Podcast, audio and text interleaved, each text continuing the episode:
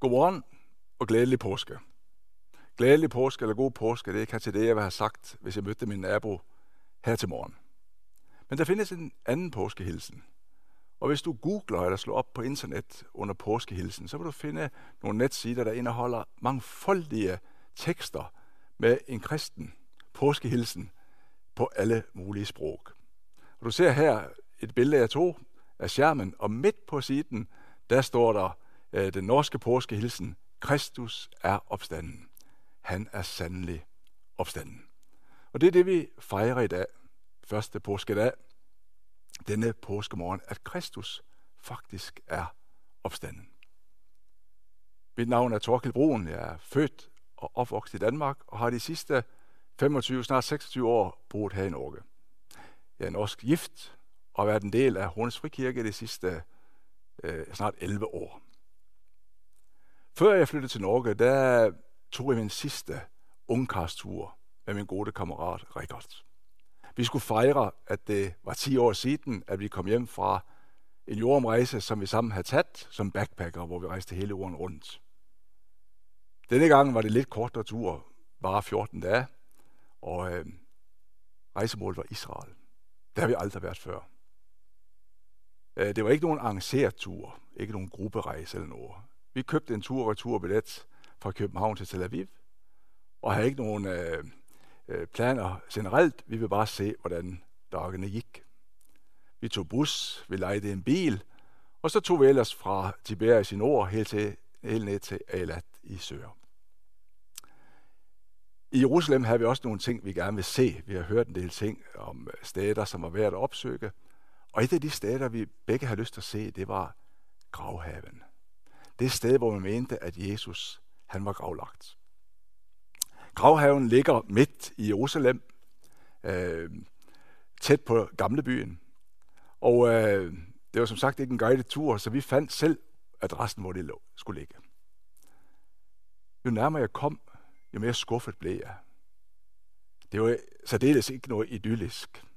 Det var en busstation med bråkende busser, diesellugt, eksos, masser af folk. Bråk, bråk, bråk. Vi kom til indgangsdøren til gravhaven, og der blev vi mødt af nogle vældig hyggelige folk, som ville give os et program. De fandt ud, at vi var danske, øh, men de havde ikke noget program på dansk, de havde på engelsk. Og så havde de på norsk.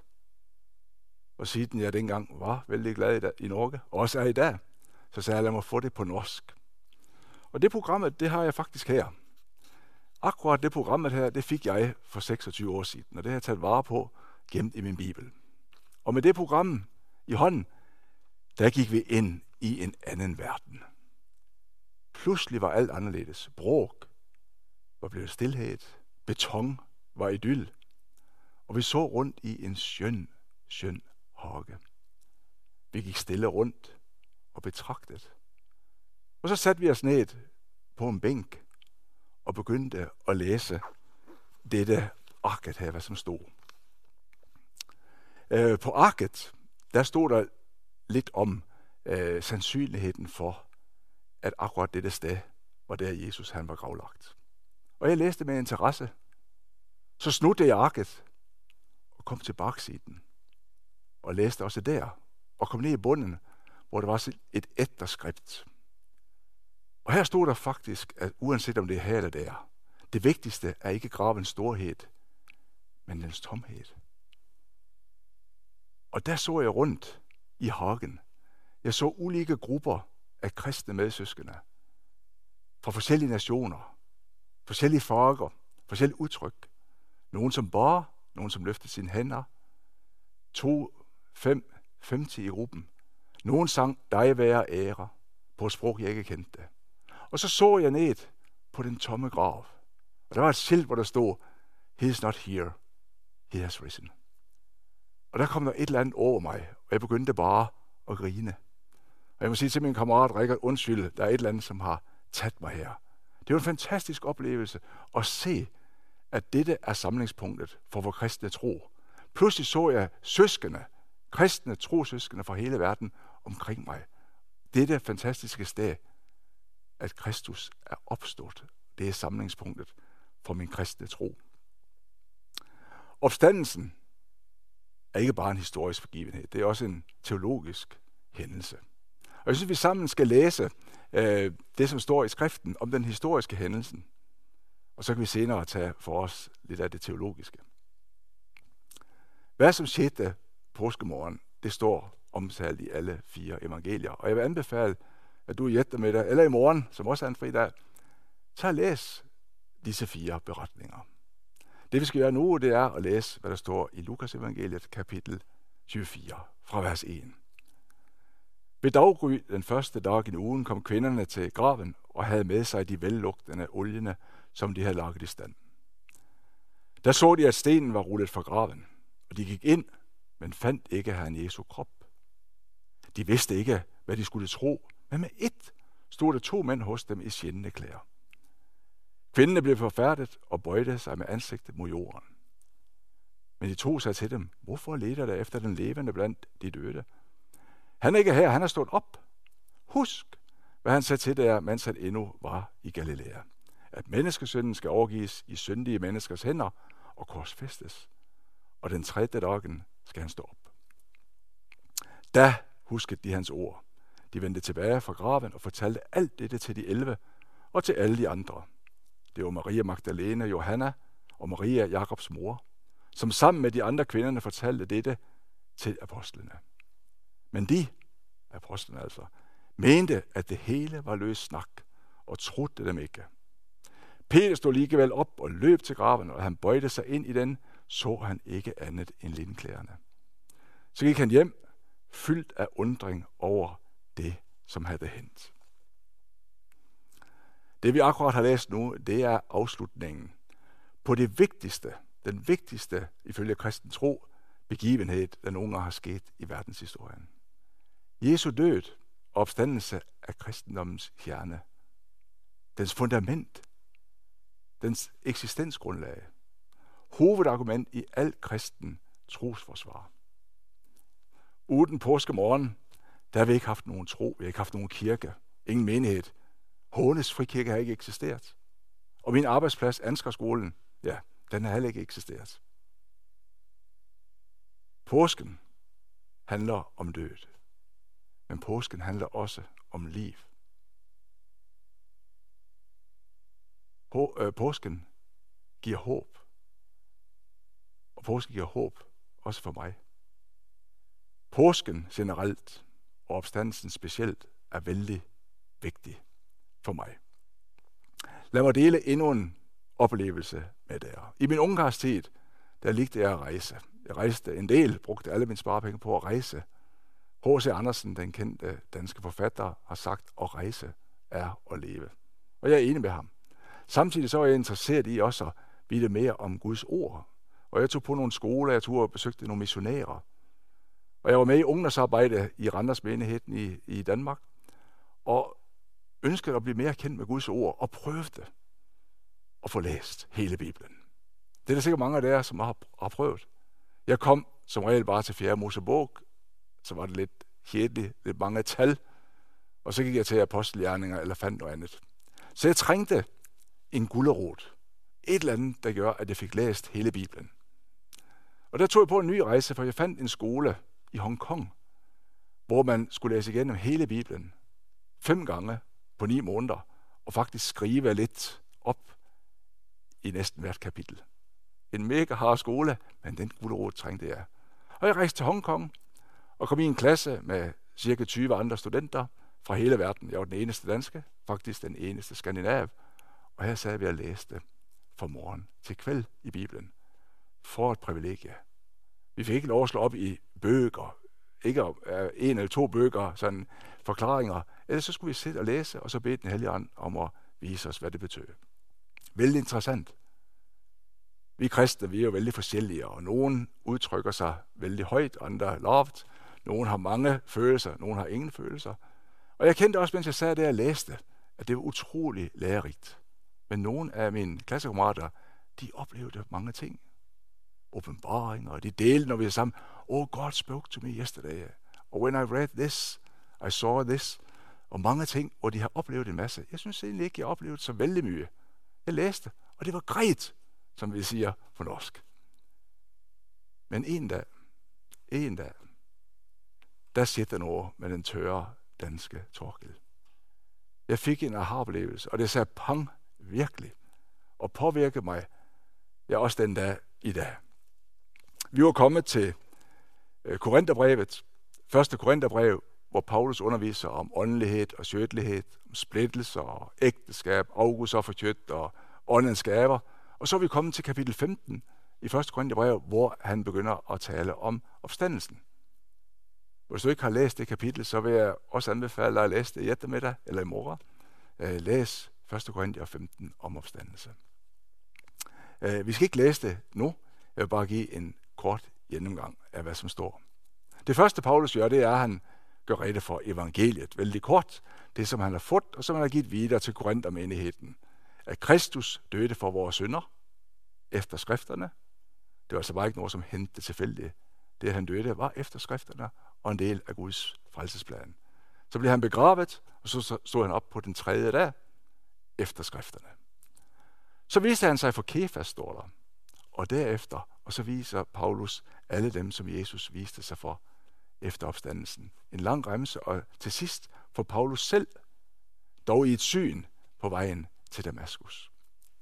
Paulus beskriver også, at Jesus viste sig offentligt for mere end 500 søsken på én gang, hvor er de fleste er i live den dag i dag. Nogen var døde. Og det Paulus egentlig op, gå og spørg dem. Hør med de. Lad dem fortælle. Det er bare noget, de har læst. De har selv oplevet det. Snak med dem. Tvil og bortforklaringer har været en del af kristenlivet helt siden, at hændelsen skete. Vi læser om, at vagterne de blev betalt for at sige, at disciplene kom og stjal ham, mens vi sov. Når jeg sover, så ved jeg faktisk ikke vældig mye om, hvad som sker rundt mig. Men det gjorde disse. De vidste helt sikkert, at disciplen kommer og stjal ham. Og det er egentlig rart, at når disciplen først stjal Jesus, at de lå linklæderne ligge. At de tog tid til at tage de af og lade dem ligge, så de kunne få kroppen med. Vældig rart. Men for mig at se apostlen disciplenes reaktion og modløshed før, øh, øh, øh, efter langfredag, og så se det forvandlet til håb, begejstring og en vidnelyst. De skulle bare ufortælle den hele verden, hvad de har set. Der er ingen tvivl om, at de oplevede noget. Og det er også et faktum, at de tidligste øjenvidner, de er overbeviste om, at de har set den opstandende Jesus. Ikke bare i ånd, men i krop. Korinthermenigheden, de var påvirket af en lærer, som var udbredt dengang, og som også findes i dag i mye nye religiøse bevægelser. Det er en todeling af kroppen. Kroppen, kjøttet her, det er ondt. Sjælen, den er åndelig og udødelig. Og god. Og når vi dør, så er det faktisk en god oplevelse, for der bliver sjælen frigjort fra det der kjødelige, syndige stykke. Paulus han prøver overbevist overbevise Korinthermenigheden om, at Jesus faktisk stod op i krop, og at kristne, at vi skal gøre det samme. Og der begynder Paulus at argumentere med dem. Han begynder at konkludere, hvis der ikke tror, at vi kristne skal stå op lægemligt, altså lægemets opstandelse, som vi siger i trosbekendelsen, jamen så har det nogle konsekvenser. Og der begynder han på noget, som hedder logisk deduktion, hvor han trækker fra det ene efter det andet. Det er som et styrtdyk, og jeg ser for mig en figur fra geometrien.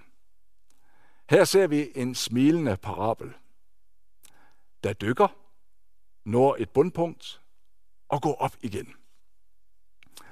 Og Paulus han har en 6, 7, 8 ulike argumenter, som han trækker, hvis der ikke er opstandelse fra de døde. Og jeg har prøvet at tegne disse ind på venstre siden af denne parabel. Så følg med. Altså, hvis der ikke er dødes opstandelse, det ikke finder sted, så er Kristus heller ikke stået op. Punkt 1. Og hvis Kristus ikke er stået op, og så begynder Paulus, så har det konsekvenser. Der er vort budskab tom. Al forkyndelse er bortkastet tid. Møder så som dette, prægner du har hørt, kristne bøger du har læst, andagter, tv-sendinger, alt er bortkastet tid. Og hvis Kristus ikke har stået op, der er deres tro også tom. Uden opstandelse vil den kristne tro være ubrugelig. ubrugelig. Bibelstudier, det er at memorere skriftsteder, eller at tro, at Gud han hjælper dig. Det er værdiløst og kan ikke bruges til noget. Og der står vi, siger Paulus, som falske vidner. Vi som forkynder om Gud, at han har oprejst Kristus. Vi er løgnere, vi er bedragere.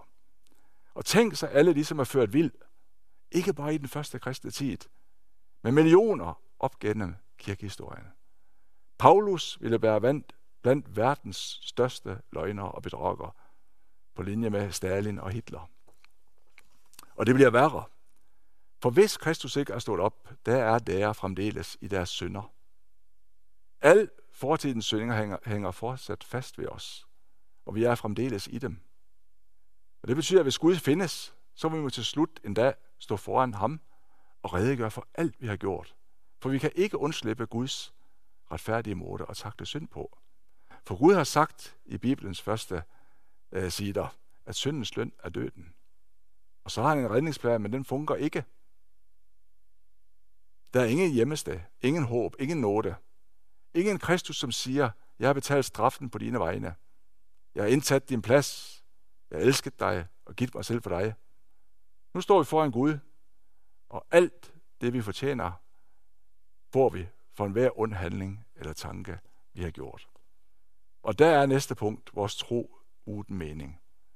Der er ingen forsoning, ingen sted for 13. døde.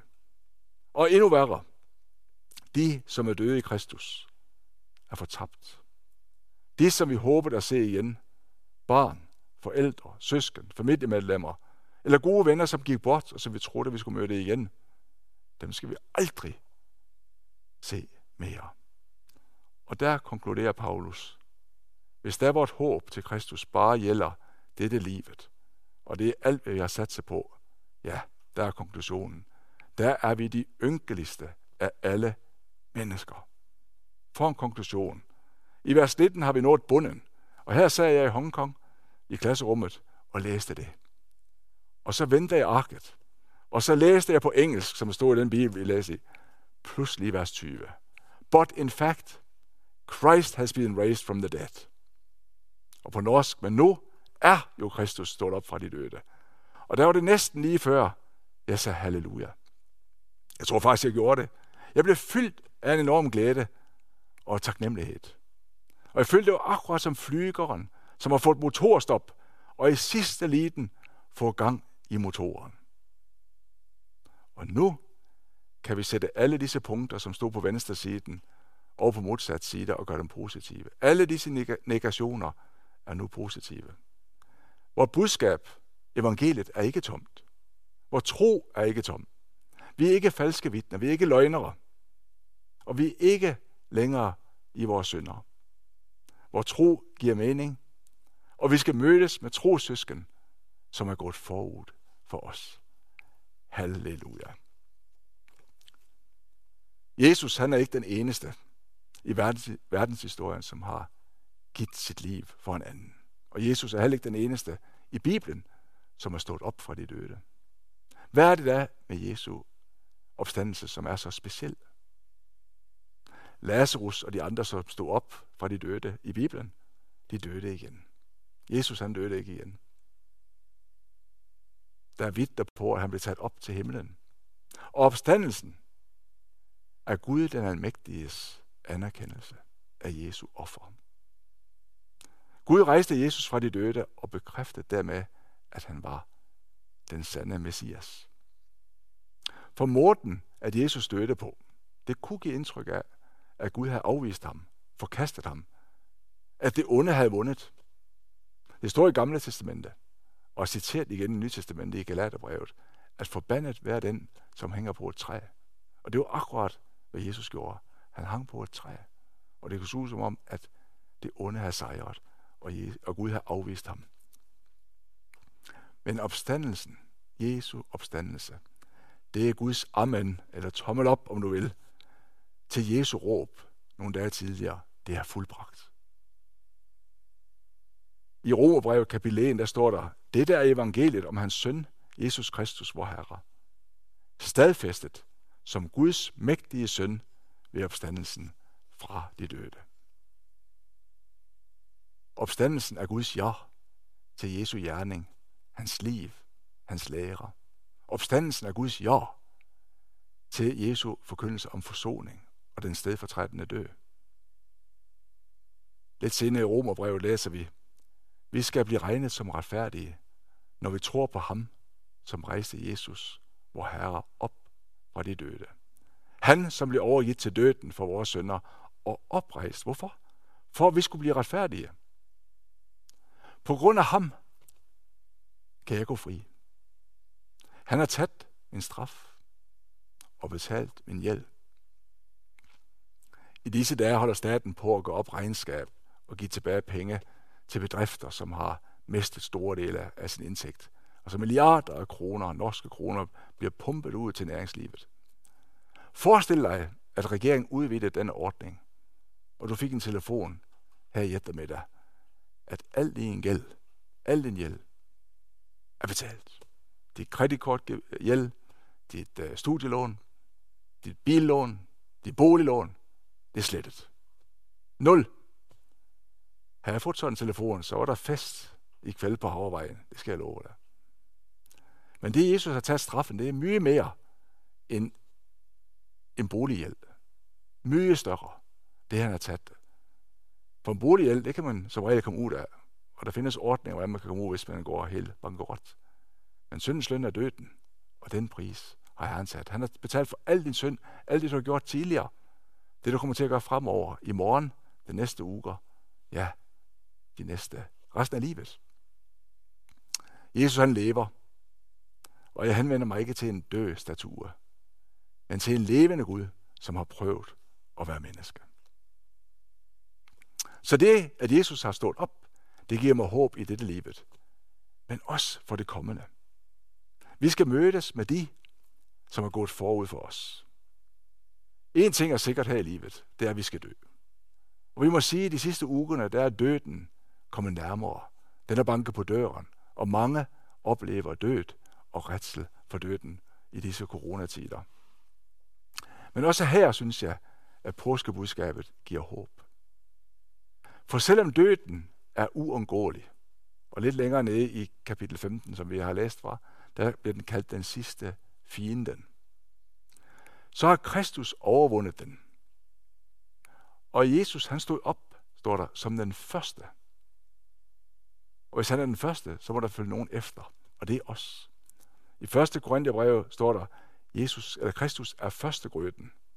Derefter, ved hans genkomst, følger de, som hører Kristus til. Nogle flere vers, som bekræfter det, at vi har noget i vente. Romerbrevet 8 siger, skal han, som rejste Kristus op fra de døde, også give deres dødelige krop liv ved sin ånd, som bor i der. Og i 2. Korintherbrev står der, for vi ved, at han, som rejste op, Herren Jesus, han skal også rejse os op sammen med ham.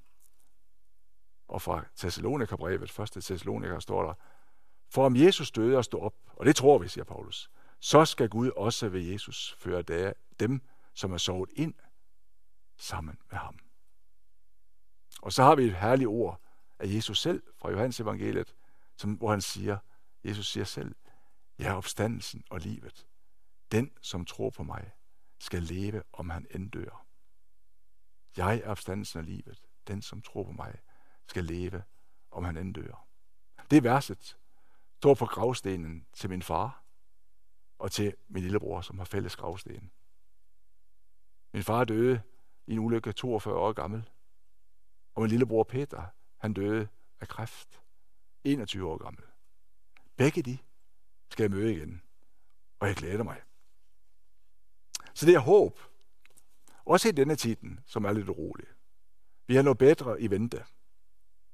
Jeg ved ikke. Vi ved ikke, hvad fremtiden bringer.